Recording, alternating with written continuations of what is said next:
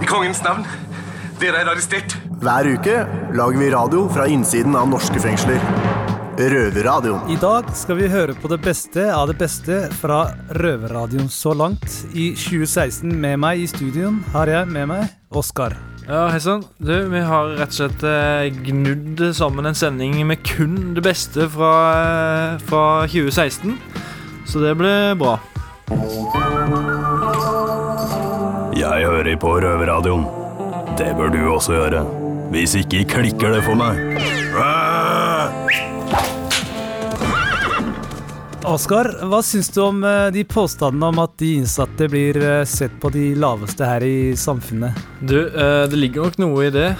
Først ut det innslaget med tidligere røver Daniel, som mener at det er oss kriminelle som er lavest i samfunnets hierarki. Ha. Ja, Daniel, du har jo ofte vært inne på temaet om den glemte underklassen. Hva mener du med det? Vet du hva, Chris? Det jeg mener med det er at eh, la oss si Hvis du spør en hvilken som helst innsatt i norske fengsler, om og man ser på seg som en del av underklassen, så tror jeg kanskje de fleste har bare lyst til å le og riste litt på hodet. Fordi man lever litt i sin egen boble og selvbedrag og tror kanskje gjerne at man er litt mer vellykka enn det man egentlig er. Så man ljuger litt for seg selv? Ja, og når man ser på det faktum at de fleste mannlige innsatte det er unge, uutdannede menn, og i dagens samfunn så prater de mye om de nye taperne, som da er unge menn med lav utdannelse, som sliter når mange av de tidligere arbeids- eller jobbene da blir automatiserte pga. at det kommer start, stadig nye roboter og verktøy da, som gjør jobben mye bedre. Og da tenker jeg på oss som er eh, Vi er unge, utdannede menn, men i tillegg så har vi det i bagasjen at vi har sittet i fengsel. Så stiller vi enda lavere enn de igjen. Ja, men vi vil jo ikke jobbe på fabrikk. Det er det Nei, som er det vil vi jo ikke. Men det som jeg syns er viktig, er at um, i fengsel da, så burde det være mye mer fokus på utdannelse. Fordi de fleste som sitter her, jeg kan tenke nesten 90% som sitter her i fengsel, de har ikke utdannelse. Og når de da kommer ut, så er det jo de jobbene som de har da mulighet til å få. Det er jo de jobbene som er lavest på rangstigen, for å si det sånn. Og lite attraktive. Ja. Så det blir en sånn evig runddans med Og da skal man i tillegg da kjempe med utdannede menn som ikke har sittet inne. Som da igjen mister jobbene pga. at roboter tar over. Så vi havner under de igjen. Vi havner under de igjen. Og det er da en underklasse som er under underklassen igjen, som er ganske skummel. og kan være litt vanskelig å komme seg opp fra. Litt deprimerende å tenke på at vi har en lite lys framtid. Ja, og det er de færreste når du ser på det som tjener veldig gode penger på kriminalitet og dop. Og vi tilbringer mye tid i fengsel. Pengene har vi sløst bort. Og hvis du ser på hvor mye vi egentlig har tjent opp igjennom hvis, kontra hvis vi hadde tatt en utdannelse og hatt en vanlig jobb, så tror jeg ikke vi sitter igjen med så veldig mye da. Så da konkluderer vi med at uh, begynn på skolen og Ja, begynn å jeg tror vi skal bruke den tiden man har under soning fornuftig. Benytte av de tilbudene som er her, og ta utdannelse, eller i hvert fall ta kurs, for det er jo ganske mange bra tilbud. Og så tror jeg det vil være opp til samfunnet å skape flere jobber, og bruke kanskje den nye delingsøkonomien til å opprette nye markeder hvor man trenger bemanning. Kloke ord fra Daniel. Ja, nå skal vi eh, bevege oss vekk fra samfunnsanalyse og over til min eh, favorittgreie her i Røverradioen, nemlig røvertabber. Hvem er det som eh, ikke har driti seg ut her i verden, da? Alle har jo gjort det en eller annen gang. Nå skal vi høre på Alex Karoli, som angrer på at han gikk til politiet for å melde seg. Ifølge min plan så skulle det pengeskapet være stappfullt med penger. Røvertabbe! Alex, du har jo en eh, klassisk røvertabbe å dele med oss. Ja, det skal jeg, Chris. Det har jeg. Det var nå når jeg ble pågrepet sist, eh, for tre måneder siden. Eh, Jeg fikk en melding på telefon. Jeg var på jobb, samboeren min sa at ikke jeg skulle komme hjem, da, for at politiet var der. Jeg hadde en etterforsker som het på den tiden, så jeg tok og så ringte jeg og så spurte jeg hva faen er det han vil. Nå som jeg slapp ut. Og det var ikke langt et, tid etter jeg sona min forrige dom. Så han ba meg komme på avhør, men jeg visste at jeg skulle bli tatt, så jeg sa dette til han at Varetektsfengsla. ja, varetektsfengsla. Så jeg visste det at jeg kom til å bli varetektsfengsla, så jeg sa det til han. Så han bare nei, vi skal bare ta et avhør. Så jeg sa til han det at du, jeg kommer det på torsdag, sier jeg. Når advokaten min kommer fra Hamar. Advokaten min kom den torsdagen. Uh, møtte han på Galgeberg, og så gikk vi ned om Grønland. Når jeg kom inn, inn på Grønland eh, politistasjon, så um, sier, sier jeg fra i politivakt at du, du er Alex Karoli. Jeg er her for noe mer enn meg. Så ber han meg gå inn glassdøra. Drittglassdøra deres. Jeg tenker bare, nå er, det kjørt, tenker jeg. Jeg angrer meg, tenker jeg. Og når jeg går inn, så snur jeg meg sånn, så ser jeg et lite vindu. Altså, lite mediumvindu, da. Jeg Sto det åpent, eller? Nei, jeg, sto, fuck, jeg, trodde den sto, jeg trodde ikke det var noe vindu i det hele tatt. Jeg fikk helt paranoia. For det var store sånne vinduer med sånn sølv håndtak. Jeg tenkte bare tvers gjennom ruta. Jeg, jeg tenkte bare drit i alt. Vi trodde du skulle hoppe gjennom et skuddsikkert vindu på politihuset. Jeg veit ikke hva jeg tenkte akkurat. Chris, jeg var virkelig nervøs. Og så mm, var det en sånn lite stol jeg måtte ta et stort, stort skritt over. da Og du kan tenke deg, Stolen er her litt lenger bort, så jeg tok et stort skritt, og så skaller jeg inn i den jævla vinduet. Du tok løpefart og hoppa inn i et skuddsikkert og vindu. løpe, for det gikk veldig fort. Ja, ja. Og så akkurat når jeg skulle hoppe, så traff jeg albuen min slags på en sånn skeiv måte. Så jeg datt halvveis i bakken.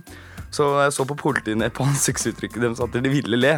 Og jeg ville faktisk også begynne å le. Og senere på dagen så kom advokaten min og spurte hva faen var det jeg gjorde. liksom. Så fortalte han etterpå at jeg ble veldig stressa og jeg ville bare ut.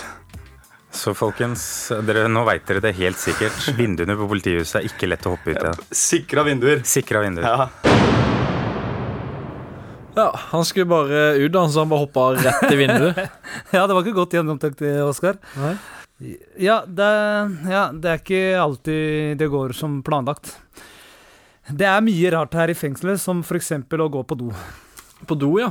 Ja, For han hadde med seg Daniel, eller? Hadde med seg en oppdager eh, inn på cella. Skulle Ja. vise åssen eh, han eh, går på do der. Så det blir bra. Du hører på Røverradioen, og jeg heter Daniel. Nå er jeg på cellen min, og jeg tenkte jeg skulle prøve å vise dere, eller forklare dere litt hvordan det foregår her på kveldstid.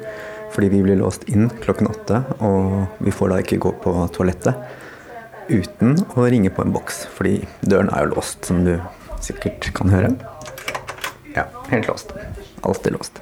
Så nå kan dere med hvordan det funker. Da står jeg foran en boks, en sølvfarget aluminiumsboks, hvor det står en lapp, eller en knapp hvor det står 'call'. Så nå trykker jeg på den. Så må jeg vente på svar.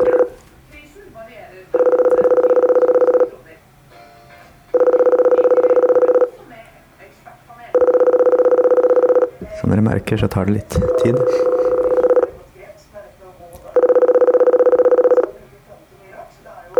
Greit å ikke være pissetrengt.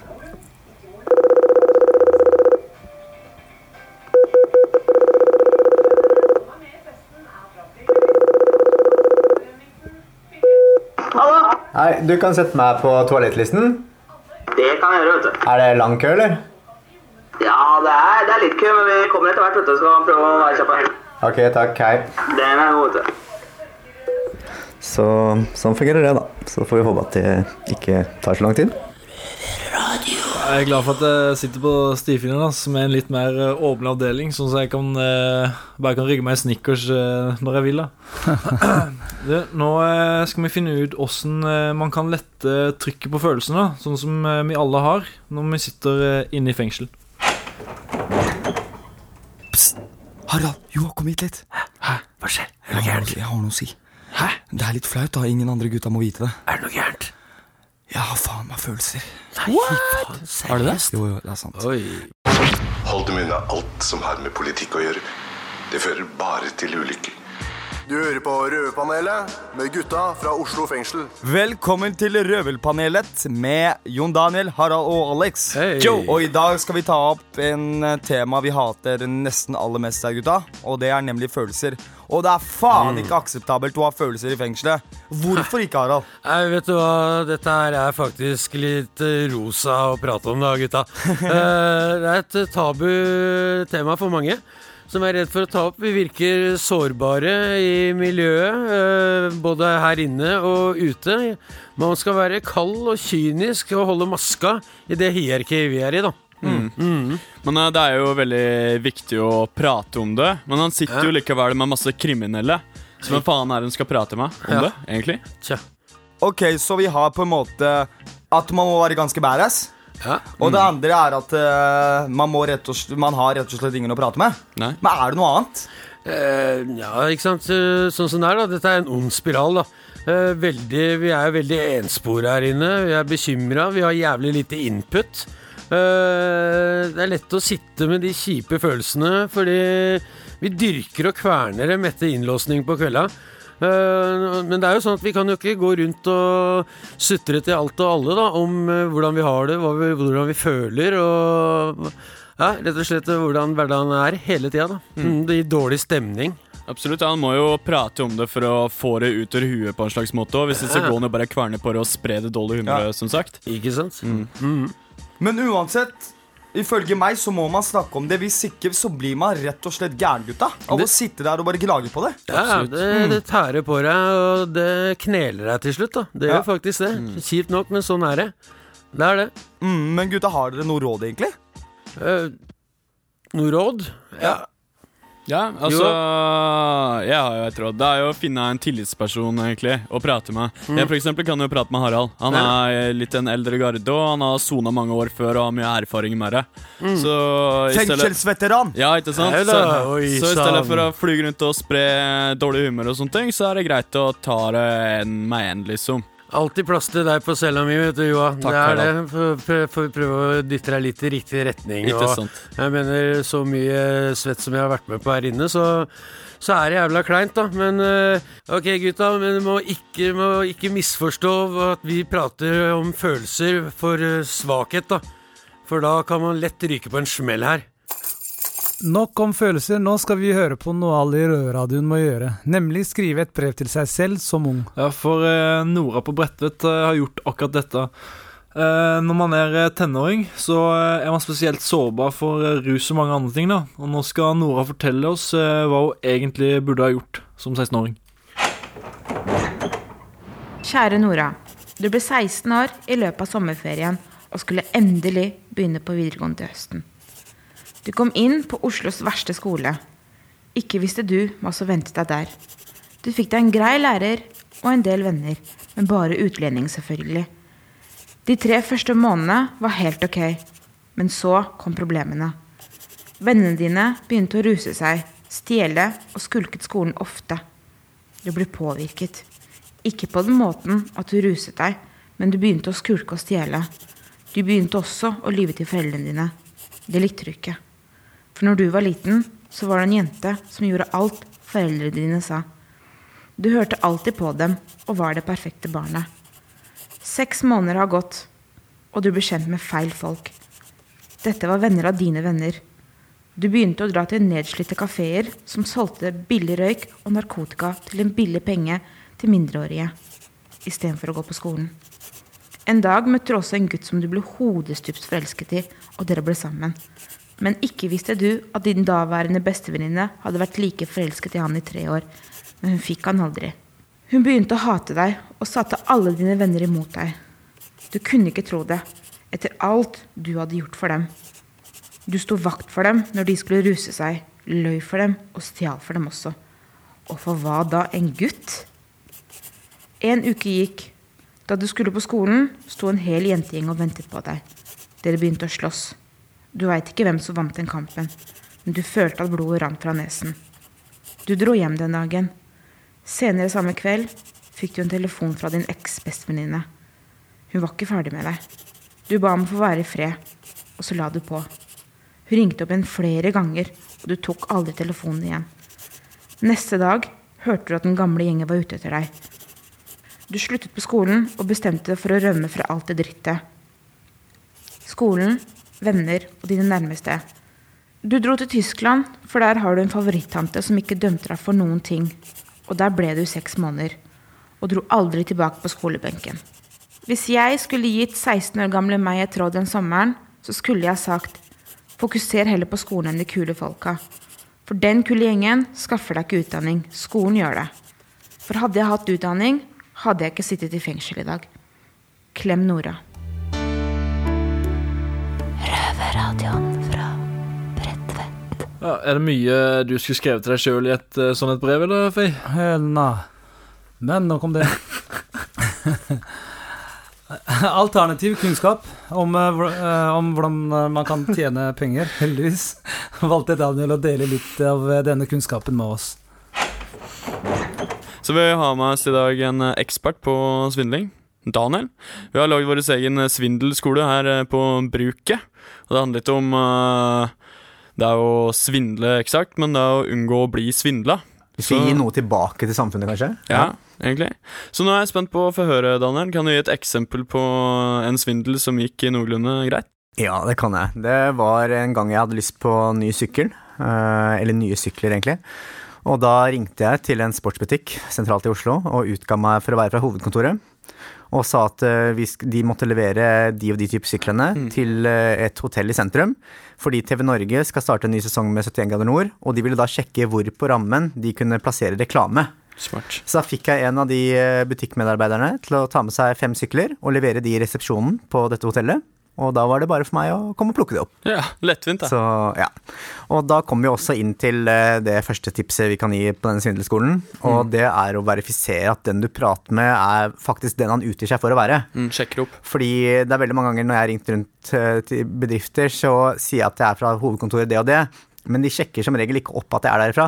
Mm. Så én ting kan være det å be om å få ringe han opp igjen. Be om å få se nummeret. Hvis jeg ringer fra skjult nummer, så er det greit å ringe opp igjen, fordi de fleste som vil lure folk, ringer fra skjult nummer. Da er det jo greit å stikke innom internett og bare google opp Ja, bare nummeret. google nummeret, Ja. og så kanskje stille noen kontrollspørsmål hvis jeg faktisk ringer fra hovedkontoret. Kanskje kjenner du noen som jobber der? Spør om kjenner du f.eks. Tommy? Og, Mm. hvis jeg ikke, og hvis jeg sier ja, så kan du jo spille litt videre på det. Eller du kan spørre om jeg kjenner en fiktiv person som Mm. ikke jobber der. Og hvis jeg sier at ja, jeg kjenner han, så er jo det et tegn på at det her er bare tull. Så bare bruk litt sunn fornuft, egentlig. Mm. Og det er viktig å bare sjekke, fordi det er ikke alt det man sier som bør tas for god fisk. Nei, ikke sant? Røverradioen. Nå kjenner jeg at det begynner å klø litt i fingra. Det er sikkert mange andre som kjenner her på denne, i denne kagebua. Ja. Uh, nå skal vi høre en uh, rap-battle. Kan du, yeah, kan yeah, du, yeah, slenge ut noe vers, eller? Frey? Dette her blir Jeg? Ja. Jeg kan ikke freestyle, jeg vet. Men det er noen som kan det, og Ja. eh, de gutta kjenner jeg faktisk. Nå vil jeg høre på en av de råeste, råeste sendingene som vi har hatt på radioen. Har du hørt på noen av gangsterne fra Oslo-fengselet skal freestyle? Det er dritfett, faktisk. faktisk Yeah. Og jeg kjenner noen av de gutta. Shout out to my homies. Men nå, nå, nå, nå, skal vi høre på gangsterne. Yo, yo, yo, velkommen til Røverradioen. Uh, med meg har jeg med noen eh, rappere fra Oslo fengsel som jeg ønsker velkommen hit. Uh, det er C3. Yeah, og så er det Nico, The Fair One, BN, Ray, og så er det Ice Cold. Yeah. Dette er Joa, motherfucker, hør, jeg legger sjela mi i alle ting jeg gjør fra start til slutt ifra A til motherfucker, jeg kjører på, jeg er lett å se der det står og henger, du vet jeg får payback med renter og denk, for det går forbi. Der det er frekt å si, hvor lenge vil jeg egentlig leve, G? Stilen din den er kjedelig, den er flat og grå, ikke noe å se, jeg er åpen og klar til å gi henne svar når du setter noen sier som Joa har, dette her er realitet, og dette er noe som alle vet at Joa prater bredt, er ingen hemmelighet, så jeg står her, og hei, makare, motherfucker, fra Oslo til Dala. Ok, ok, da er det Nico the Fair One. Let's go. Ok, ok, hør av, hør av gutten er fra Mo i Rana. Men jeg skal fortelle deg en ting eller to. Når du kommer inn til byen min, så ser du navnet ditt printa i store faner. Du kan si hva du vil, men det er ingen av dere som har like store baller som meg i Oslos gater. Og du eier vel ikke Skam? Og det fant jeg ut etter jeg var hos søstera di, for hun virka jo helt tam. Og, og jeg holder det helt G. Og langt der borte hører jeg moren og faren din skryper- skryker ut for fred. Mens jeg får deg og gutta dine ned på kre, så teller jeg til 1, 2, 3, 4. Så blotter jernet og klirr, klirr. Og du virker så entusiastisk. Og det er tipp topp, for jeg er flipp, og du er flopp. Ja, da gir jeg ord til Sami, Ice Cold, som hun også blir kalt. Jeg heter Sami og kommer fra Libanon. Bli med en time, så skal jeg si noe rim og sånn. Gikk ut fra Goa for å kjøpe ikke fra noe. Hassan møtte meg under broa klokken toa. Ja, jeg kommer, hvor mye skal jeg ha med? Du kan ha med to lapper for å slippe å rane. Kjøpe Kif Bausch, kommer jævla stygge svin. Du kan dra til helvete og suge pikken min. Ok, neste er C3. Let's go. We might sound like diseases to all the Jesus wannabes, but please, Harry's, I cut out the jealousies instead. Let me take you to C3 where we chill. We don't smoke trees, and now and then we might fight each other. For I promise you this, we're raising hell to the who get us pissed, cause this is the old clique with the same old same. Ain't nothing but A block C3 thing.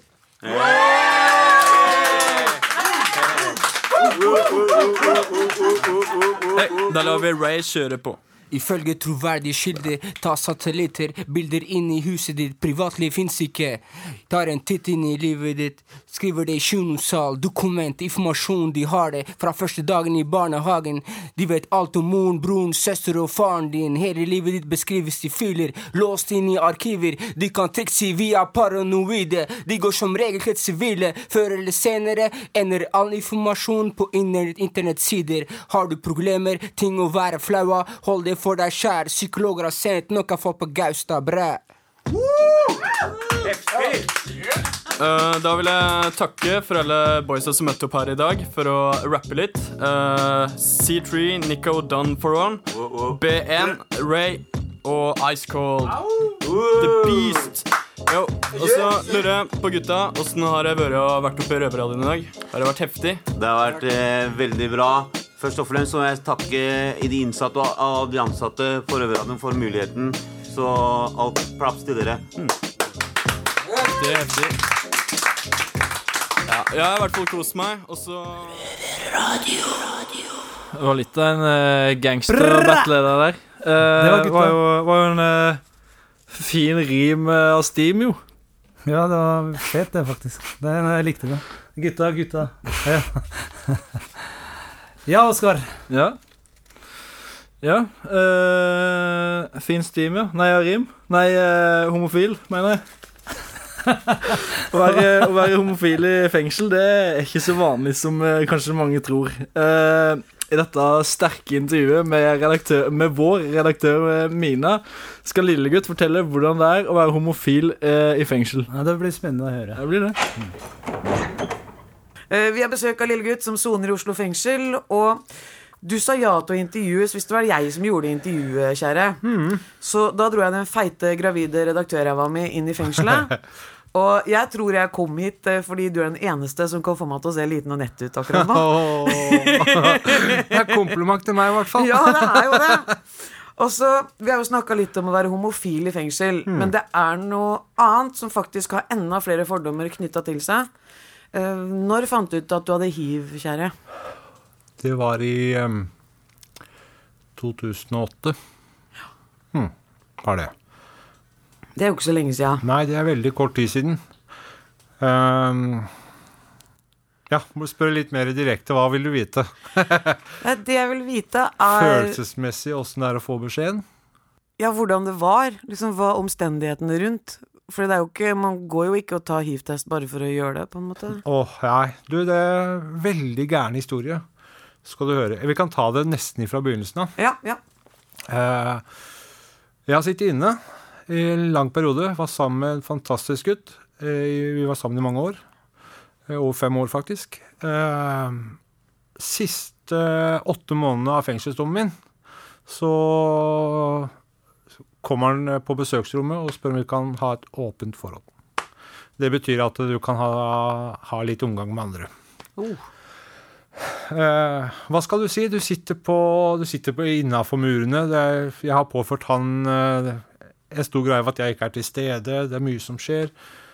Du kan jo ikke nekte på det. Det er, det er greit. Det er, eh, du får gjøre som du vil. Vi må ta opp kontakt når jeg slipper ut. da. Men han kom og besøkte meg eh, hver uke under hele resten av soninga.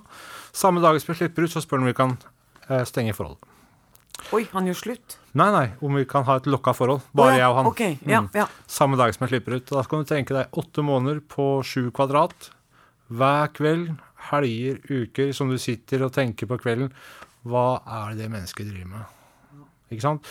Det blir, eh, du blir litt såra inni deg, da. Så jeg tenker det at så jeg sier til han for å være litt slem Han skulle på nattevakt. Så jeg sier vi kan stenge forholdet i morgen. Så skal han få en natt til å tenke på, på hva jeg gjør. Men jeg er så dum da at jeg eh, møter jo et menneske. Og ferdig med det. Sitter på Kaffealen, som er rett utenfor muren her, faktisk. Med en hel vennegjeng. Eh, Både heterofil og homser og, og alt. Plutselig så har jeg blitt forkjøla. Jeg er aldri forkjøla. Aldri. Så er det en eh, venn av meg, som vi kaller far, da. Som, eh, som ser da at jeg er litt forkjøla, så han smiler og ser på meg og sier ja, 'Har du fått hiv nå, eller, Stjern?' For jeg er jo aldri sjuk. Og akkurat idet han sier det, så merker jeg at det går som en kald kniv gjennom meg. Fy faen. Er det Så etter et par uker så går jeg ned på en klinikk i Oslo som heter Olafia. Sier jeg skal testes. Og de tar alle vanlige tester, så jeg dere må hiv-teste meg. Er det noe vits, sier de. Ja, jeg vil gjerne at dere gjør det. Ja, har du eh, hatt noe Nei, jeg tror ikke det, men det er veldig greit å sjekke, da. Og vi tar en sånn hurtigtest. Etter en time så får jeg svar. Og hun sykepleieren, da, Kommer inn, og hun gråter og gråter. og gråter. Og vi sitter sammen og snakker. Jeg er ganske personlig når jeg snakker med folk. Ja, du er verdens nydeligste. Så jeg får dem veldig tett på meg, så hun gråter og gråter. Så det ender med at jeg må trøste henne litt og sette meg ned med henne, og så forteller jeg hva er det for noe. Nei, du har hiv. Men det er bare en hurtigtest, sier han. Så det er ikke sikkert. Sier jeg nei, men vi kan ta utgangspunkt i det, kanskje. Eh, for det var jo en tanke med at jeg spurte om det, så jeg slapp ikke ut av Olafia. Jeg måtte ringe samboeren min og få han til å hente meg. Eh, han kommer ned dit, jeg forteller han det. Vi går, Han skulle synge i Filharmonien, faktisk. Han eh, synger også. Så vi går sammen bort dit, og da raser hele verden min uh, ifra meg. Da har jeg liksom ikke fått snakka med noen om åssen jeg skal takle det, åssen dette påvirker meg i hverdagslivet, eller bla, bla, bla. De sa ikke noe om om du Ingenting. lever eller dør eller Nei, jeg, du veit, jeg også har jo Jeg kommer fra et sted med mye fordommer. Faren min døde for to uker siden. Han kunne ikke snakke med meg siden han fikk høre at jeg var homo. Uh, vi har slåss sammen uh, så utrolig mange ganger. Men faren min var et, en svær mann. Da kan vi snakke stor mann, så jeg har ikke klart å ta igjen med. Så, men det var litt trist at han eh, forsvant så brått. Men eh, eh, nok om det. Vi kommer dit. Jeg tenker det eneste måten jeg kan eh, leve på, er å dø. Så jeg vurderte For jeg, alle du snakker med, da, eh, gir deg ikke noen positive tilbakemeldinger når du kommer med dette. Og jeg tok ikke kontakt med noen. Jeg satt hjemme, hørte samboeren min gikk på badet. Jeg var livredd for at han skulle ta barberhøvelen min med en feiltagelse, tannbørsten min. Du trodde det smitta Jeg, veldig lett, da. jeg orka nesten ikke å ta på den, for jeg var redd for at den skulle bli smitta. For jeg visste ingenting. Så det ender med at jeg ikke klarer å leve med den mer. Så ferdig med det. Og så går det mange, mange år til. Jeg begynner på medisiner etter å ha gått uh, ett og et halvt år på cellegift. Og da var jeg veldig liten. Og jeg så knøttliten. Hvordan kan du være liten? Jo, det klarer jeg ikke å se for meg engang. Nei, men det ble ganske rar å gå på cellegift. Jeg gikk på veldig sterke doseringer, for jeg var veldig stor når jeg begynte på medisinering. Mm. Og så de gikk aldri ned på doseringene mine, så etter ett og et halvt år så, så tok det psyken min. Og da skulle jeg begynne på HIV-medisin. Eh, og mye fram og tilbake. Eh, så, og det hjelper deg ikke veldig. Største bivirkningen av, av HIV-medisin er eh, selvmordstanker. Å, Og herregud. det står det som en advarsel på medisinen. Og da har du Først har jeg gått ifra det mennesket som jeg elska overalt på jord. Og så har jeg fått fjernet litt av familien min vekk. Ikke sagt noen tingen. Jeg har gått på cellegift. Jeg jobba 20 timer i dø- døgnet for å få dette i balanse. Og så begynner jeg på den, og så får jeg bare knekk på knekk på knekk. Så, men og så oppi alt, da. Vi må stoppe der, ellers så knekker jeg. Men uh, jeg begynner på medisiner etter ett år, så får du, da går du av den første typen, da. For å stabilisere dette. Og så var jeg prøvekanin på en ny type medisin. Det er én tablett en gang om dagen. Og siste prøvene mine tok jeg rett før jeg kom hit, og jeg er ikke hiv-positiv. Ikke påvisbart. Det betyr ikke at, det, at jeg ikke har det, men jeg er ikke smittsom. Jeg kan ikke smitte noen. Og det kommer av den grunn at det mennesket som smitta meg, gikk på medisiner når jeg ble smitta. Så det var ikke en agri... Eh, hiv er jo hiv uansett. Det kommer aldri Hvis det går langt nok, så blir det dårlig. Ja. Eh, men det at det ikke var et aggressivt virus, så var det halvdødt når jeg ble smitta.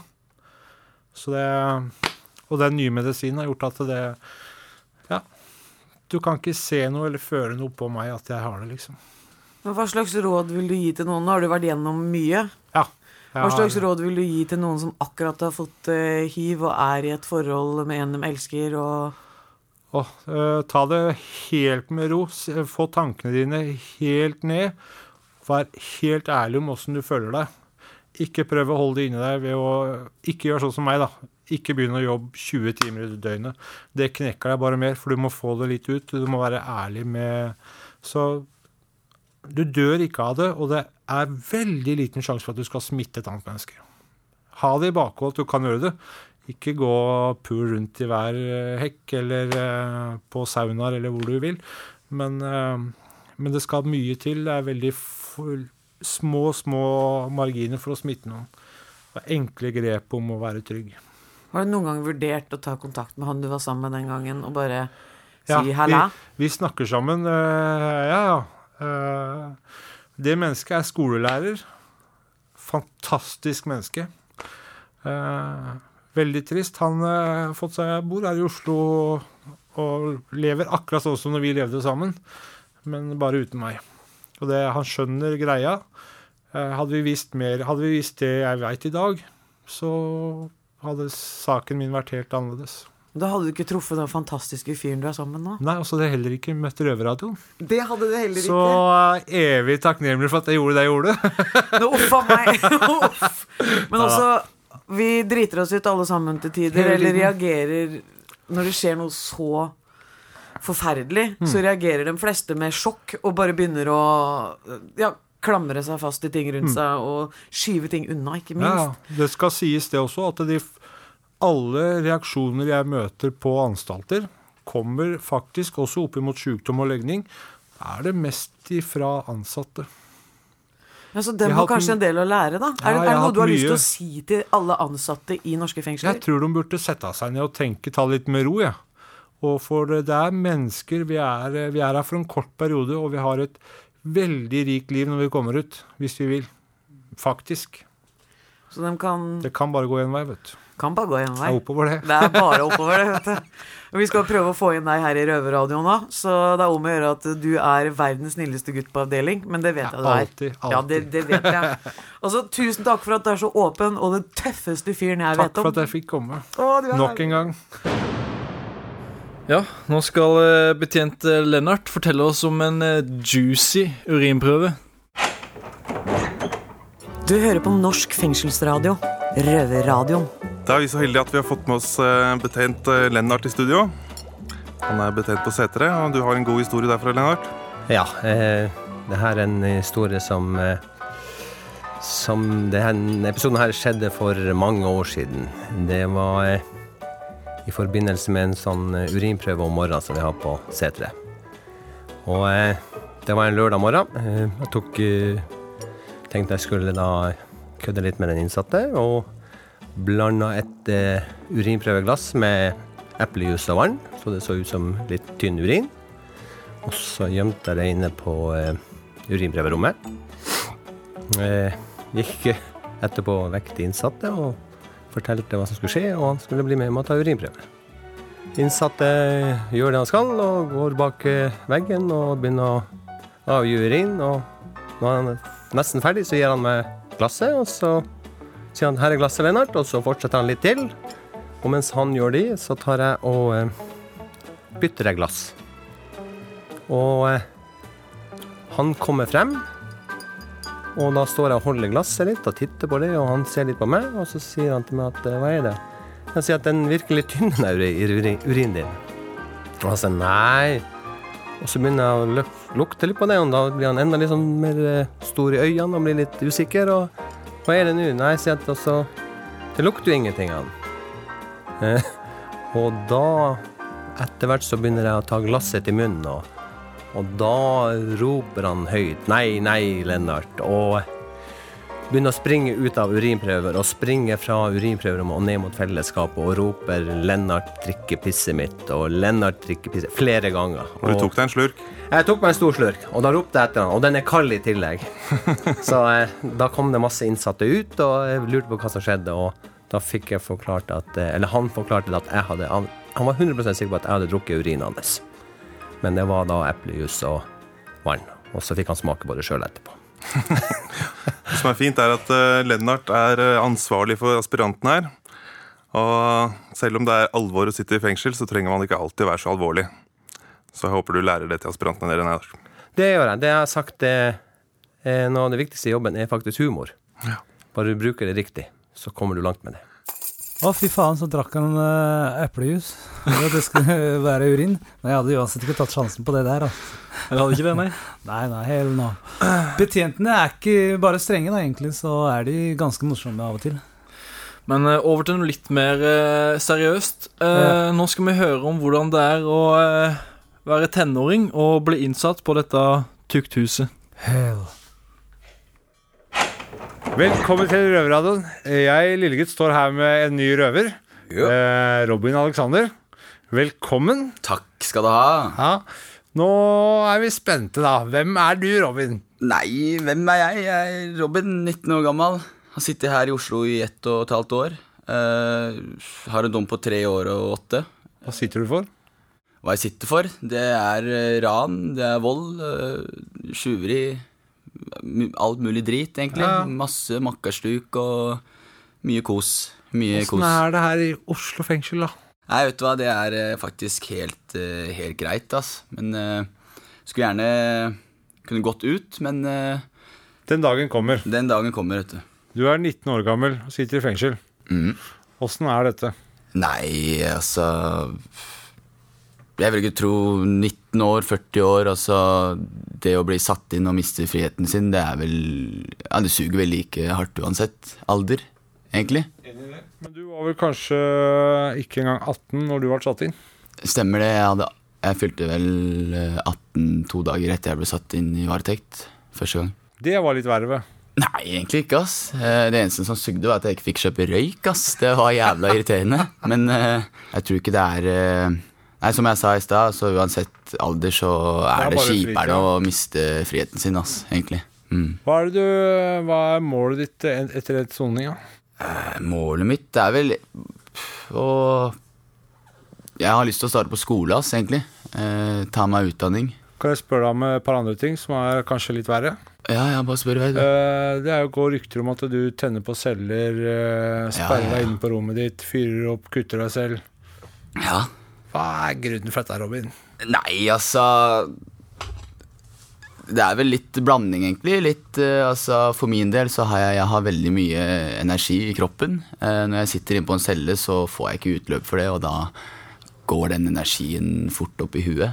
Og da blir det til at jeg kanskje tenner på en celle, eller kutter meg opp litt. Ja. Eller bare for å liksom få litt utløp da, for Ja. energien. Ja.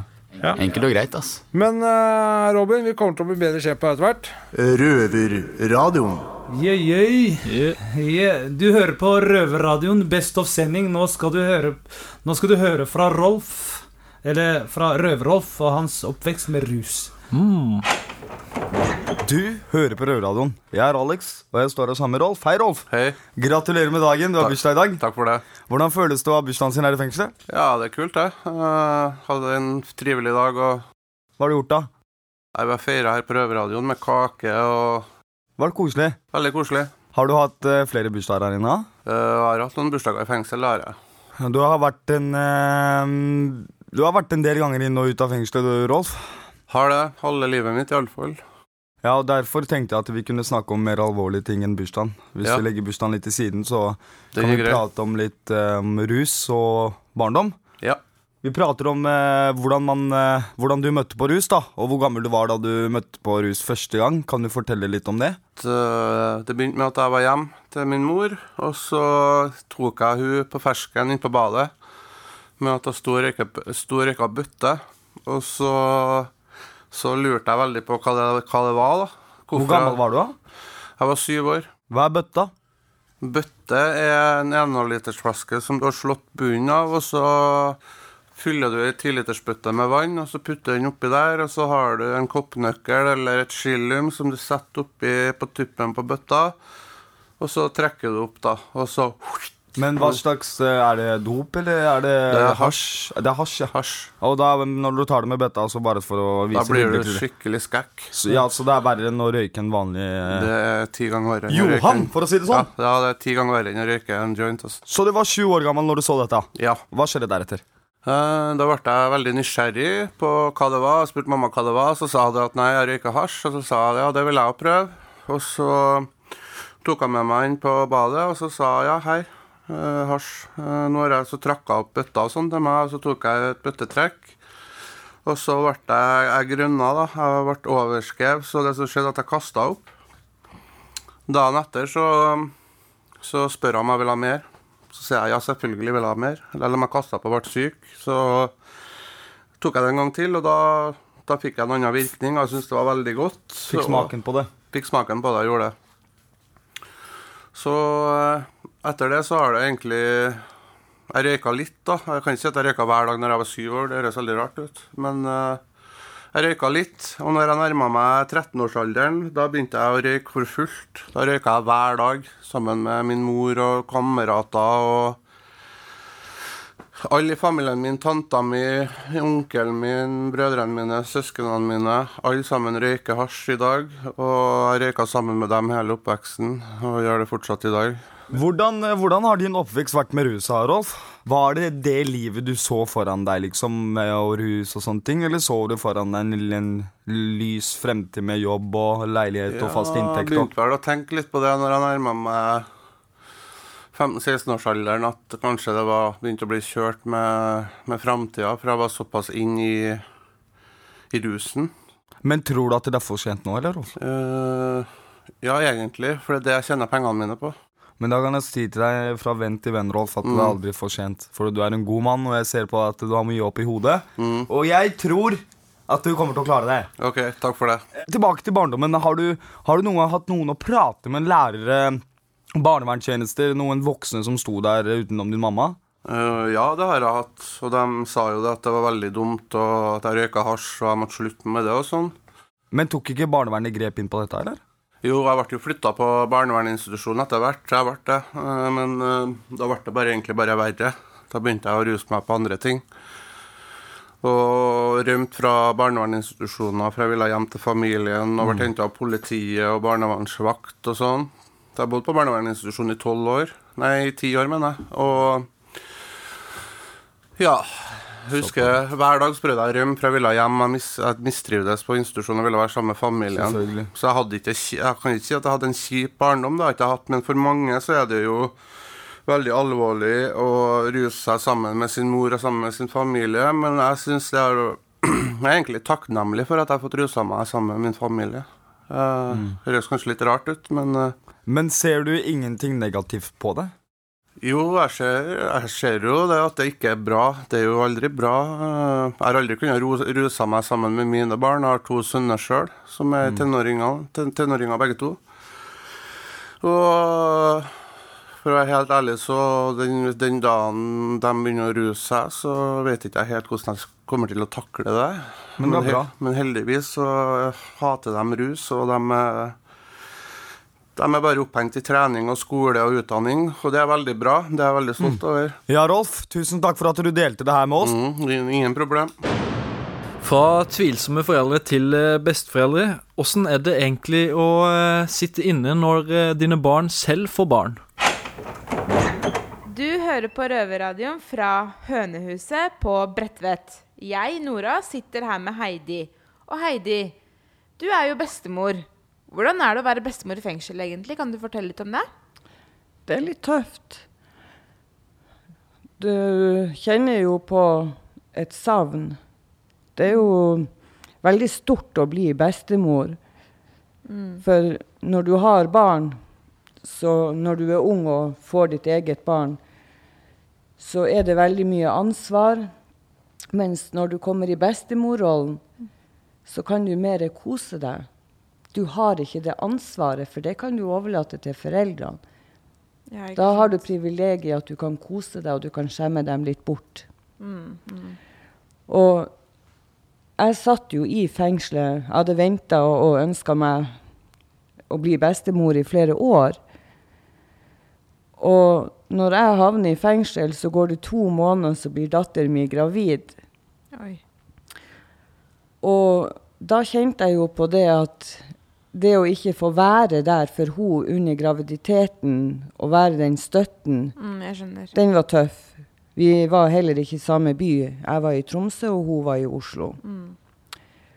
Og det var jo helt umulig for meg å kunne få være med på fødselen, og heller ikke se henne med en gang hun var nyfødt. Nei. For hun fødte i Oslo, og jeg satt i Tromsø.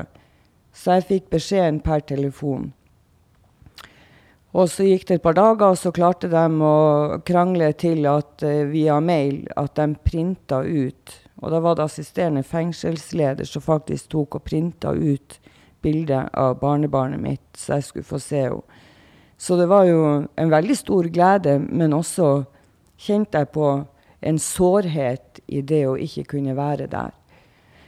Men nå er jo jeg blitt overført til Bredtvet og får jo ukentlig besøk av barnebarnet mitt. Hun blir tre måneder nå, og hun er jo selvfølgelig i mine øyne verdens skjønneste, men det syns jo alle om sine.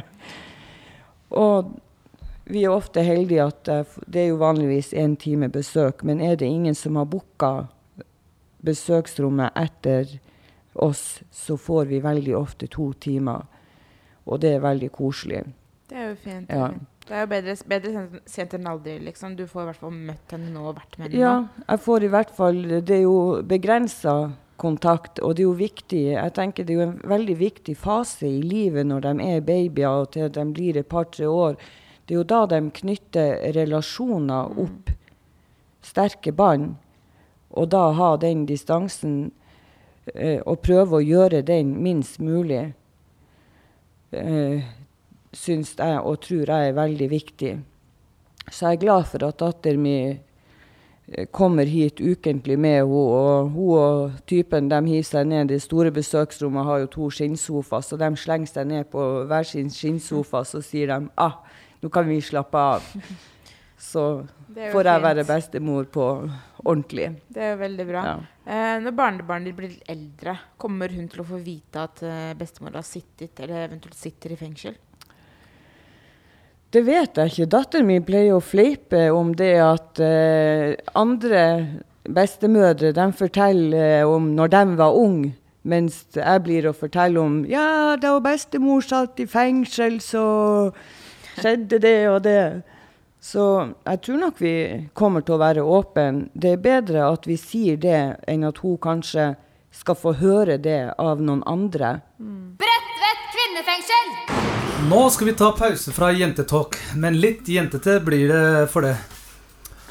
Blir det? Ja, det skal det bli. Og eh, hvordan går det når man får i seg et par piller og stjeler dameklær? Uff, det var noe nytt. Harald, men det er en kar som har eh, alt svaret på det der, og det er Harald. Og i denne Ja, han skal svare på det her i, i denne røvertabben, da. Du hører på Røverradioen. Jeg er Alex, og jeg står sammen med Harald. Hei, Harald. Hvordan er det med deg? Det er bra. Du har en røvertabbe å fortelle oss, Harald. Ja, jeg har vel noen, men uh, Kan ja. sette fram den første først, da. Ja, uh, kan jo ta den ene, da, som var litt kjipt. Det var Jeg var, gjorde brekk på Miss 60, faktisk. Uh, ok, dameklær, men du veit jo hvordan det er. Alltid ha noen gaver til damene. Så jeg var oppe på Tok og knakk meg inn på det lageret der. Eh, hadde fått fylt opp bilen med masse stæsj av bukser og sko og Ja, det var ikke måte på. Kan jeg bare spørre deg om noe der, eller, Harald? Var du rusa? Eh, rimelig. Du var rimelig rusa? Ja, rimelig rusa. Rusa i trusa, rett og slett? Ja, det skal jeg love deg, da. For når jeg gikk inn siste gangen, da, så tar jeg faktisk og og måtte jeg slappe av litt, for jeg måtte ha et pust i bakken. Det var jævlig mye bæring og styr og stell innpå der. Det var jo så jævlig mye stæsj igjen. Så er det akkurat som jeg blunker, skjønner jeg faen ikke hva som skjer. Masse folk som Når jeg åpner øya, så står det masse folk over meg. Så jeg får meg sovna i en pappeske. Det er gærent, ass. Det er sjukt, da. ja, jeg vet det. Er så jævla pinlig du ligger der og titter opp og liksom faen meg nesten så du har, uh, har G-streng opp på panna. Ikke sant? Det bare Folk kan se rart på deg. Ja, liksom. jeg lurer på hva jeg gjør her, og hvem er jeg, og i det hele tatt, da. Det lurte jeg for så vidt egentlig på sjøl òg, for jeg var ikke helt meg sjøl da jeg våkna der. Så, men jeg skjønte fort, da, kom litt til meg sjøl og bare skjønte at å, fy faen, det, er dette jeg driver med. Ok. Nei, eh, her må jeg bare komme meg vekk, da. Så jeg tar og spretter opp av denne kassa, og, og folk skal begynne å prøve å stoppe meg. Så jeg bare beiner som faen og finner et vindu. Og bare hopper ut av vinduet. Så hadde jeg glemt at jeg var i andre etasje. Og fy faen, var langt ned, ass. Det var jævla kjipt. Så det smalt noe jævlig i beina. Og jeg trodde faktisk ikke jeg kunne løpe, men jeg var jo full av adrenalin og andre varer òg, da. Så Men du kjente det etter hvert, da? ja, jeg gjorde det. jeg gjorde det Men jeg kom meg heldigvis unna, og så dro jeg og henta bilen igjen litt seinere på kvelden. Men eh, har du lært noe av det der? Ja, det er som hun sier, ikke sant. Det er 'don't drink and drive', liksom. Så bare Ikke ikke sov når du er på jobb! Ikke vær for rusa når du drar på jobb. Du kan plutselig sovne, ikke sant. Ja, Og en annen ting òg. Bare så du hoppa ut av det vinduet. Rus gir deg ikke vinger. Det gjør ikke Kanskje det. føles du sånn ut. Det er bare Red Bull vinger. igjen. Jeg fikk få drikke det her inne. Så vi konkluderer med at eh, Vi sovner ikke på jobb. Vi sovner ikke på jobb. Ikke vær så jævla rusa. Nei. I hver sending her i Røverradioen prøver vi å dekke det som skjer på innsiden i Oslo-fengselet. Nå skal vi høre fra fengslende nyheter om noen uønskede, uønskede gjester som herjet med bodsen over lengre tid. You are now about to witness the strength of street knowledge. Velkommen eh, til Fengslende nyheter. Vi har fått eh, besøk på Setre-Chris av eh, noen rotter. Ja, Simen, jeg vet ikke om du husker det var et skip som kom til Norge på 1300-tallet som tok livet av halve befolkningen med svartedauden. Ja, vi får håpe det ikke skjer her, men det er jo ganske nasty. De har meget mulig de har kommet opp gjennom kloakken. Det som er morsomt, er jo reaksjonen til de andre på avdelingen. Ja, der står det harde voldsmenn og drapsmenn, folk som er dømt for drapsforsøk, står på eh, tærne på den ene foten og sier 'rik'. Med en feminin røst. Ja. For noen uker siden hadde Bent besøk av eh, et, noen andre dyr. Det var duer på cella som dreit i senga hans. En som har eh, meget mulig driti i noen duers senger, er en eh, spansk eh, dude på 59 år som ble funnet i et duehus der han har blitt holdt fanget av eh, en bror og en søster. En hyggelig familie. Eh, Der eh, de har levd på pensjonen hans. Og hans Sist gang han ble registrert, så var i 1996. Så han har kanskje sittet 20 år da i et duehus. Og det høres jo ikke noe særlig ut. Absolutt ikke. Ei som ikke må sitte i noe fengsel, er en politikvinne i 30-årene som har blitt tatt for å kjøre i fylla med to i promille i en sivil politibil som fikk 36 dagers betinga fengsel. Dette minner meg om eh, et sitat av George Orwell, en god forfatter, som sa All animals are equal, and then some animals are more equal than others. Røverradioen. Ja, For de som lurer, så kan jeg med glede melde at eh, Botsen nå endelig er eh, fri for rotte. I hvert fall eh, firbeinte. Nå, best er best, nå nærmer det seg slutten. Men først har Simen har viktig beskjed til landets politikere. Politikere, eller? Nei, det er ikke nå, det er gravid. nei, nei, nå- Gravid i fengsel. Gravide, ok. Nå kommer eh, bestemor Heidi med å fortelle, og skal fortelle om eh, Nei, faen, er det med, ja? Ja, nei, nei, jeg mener nå skal vi til et uh, nyere innslag. Det handler om uh, noe vi alle har uh, opplevd, nemlig graviditet. Har vi Så alle? enten, så, ja, så enten om du har vært inni maven eller selv har barn, spiss ørene nå. Yes. Her på Bredtvet kvinnefengsel ser det ut som det kommer en økende problematikk, og det er det at det kommer bare flere og flere gravide inn til soning i fengsel. Jeg heter Ylva. Med meg har jeg Heidi og Miss Guinea Og vi skal snakke litt om det å være gravid i fengsel. Hvordan tror du det er å være gravid, Heidi, og sitte i fengsel? Jeg tror at det må være veldig tøft. Ei psykisk eh, belastning på mange måter. Eh, Det er jo forskjellige problemer. Det er jo forskjellige tilfeller, ikke sant? Noen kommer inn og er under barnevernet. De vet at de skal ut og fø ungen. Ungen blir tatt ifra dem. Eh, Så har du utlendinger som kanskje er gravide i fengselet, som ikke vet om eh, familie vil komme og hente det, eller om de mister barnet til barnevernet, dem òg. Og så har du dem som sitter og skal ut og lurer på får jeg tid til å handle inn alt det barnet trenger, før jeg slipper ut av fengselet, eller før jeg skal føde. Tror du dette kan stresse fosteret, Miss Guinea Pig? Absolutt. Det kommer jo til en dag at ungen spør øh, hvor, hva som skjedde mens jeg var inni magen til mammaen min. Eller øh, Ja, mamma, du har vært i fengsel, du. Var jeg der også? Skammer du deg ikke? Ja. Så jeg tror ikke det nødvendigvis bare er stressende mens fosteret ligger i magen, men at det faktisk vil være et vedvarende problem, da. Så har vi jo tidligere også i programmet vært innom psykisk helse. Eh, tror du den psykiske helsa Heidi, til eh, jenta som er gravid der inne, vil bli påvirka av at hun er, sitter i fengsel? Helt klart det vil være en psykisk belastning.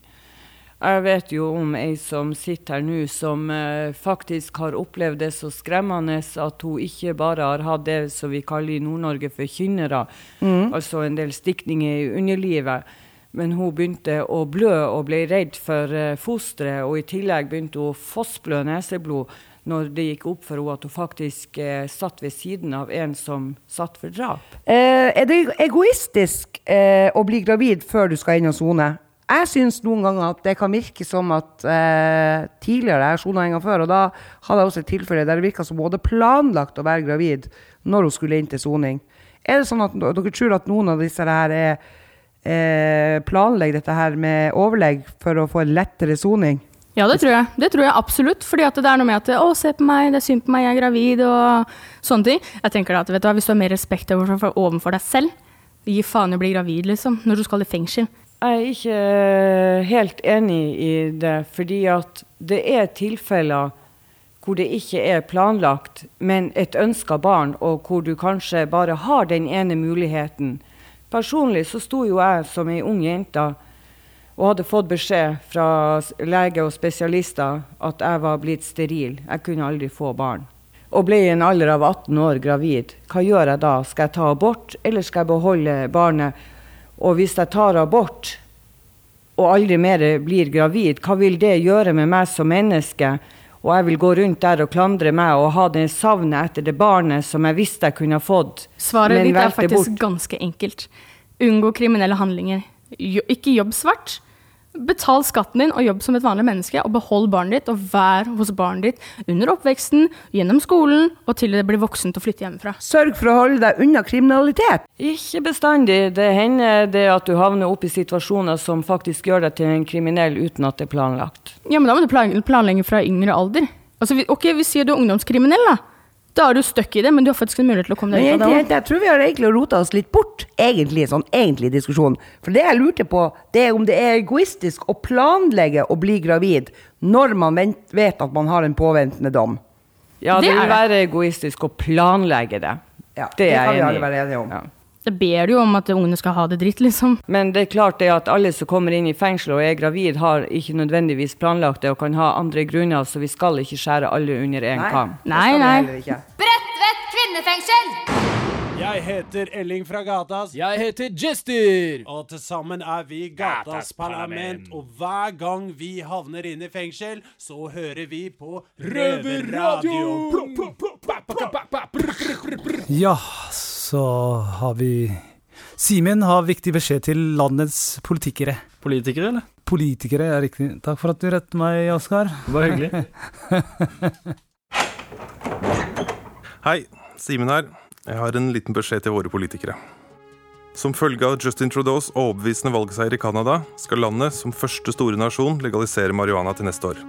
Som kriminell vil jeg på det sterkeste advare mot legalisering. Her i Norge er vi inne i en økonomisk nedgangstid. Vi hører stadig fra både politikere, fagforeningene og fra næringslivet at det nå er viktig å verne om de arbeidsplassene vi har her i landet. Legalisering av cannabis, eller enda verre narkotika generelt, vil ta bort store deler av livsgrunnlaget til oss kriminelle. Salg av narkotika sysselsetter mange, og da særlig folk med lav utdanning, som vil ha store vanskeligheter med å omstille seg til andre yrker. Man kan kanskje si at er det én ting man burde være herre over her i verden, er det sin egen kropp og hva man putter i den. Og dermed støtte av kriminalisering av narkotika til eget bruk. Full legalisering er dog ikke veien å gå. Vi kriminelle er den eneste yrkesgruppen som risikerer straffeforfølgelse hvis vi fagorganiserer oss. Vi har heller ingen interesseorganisasjoner som taler vår sak eller som kjemper for våre jobber. Derfor er det ekstra viktig at våre politikere tar ansvar for oss og våre arbeidsplasser. Så oppfordringen er hold narkoen illegal og vern om våre jobber.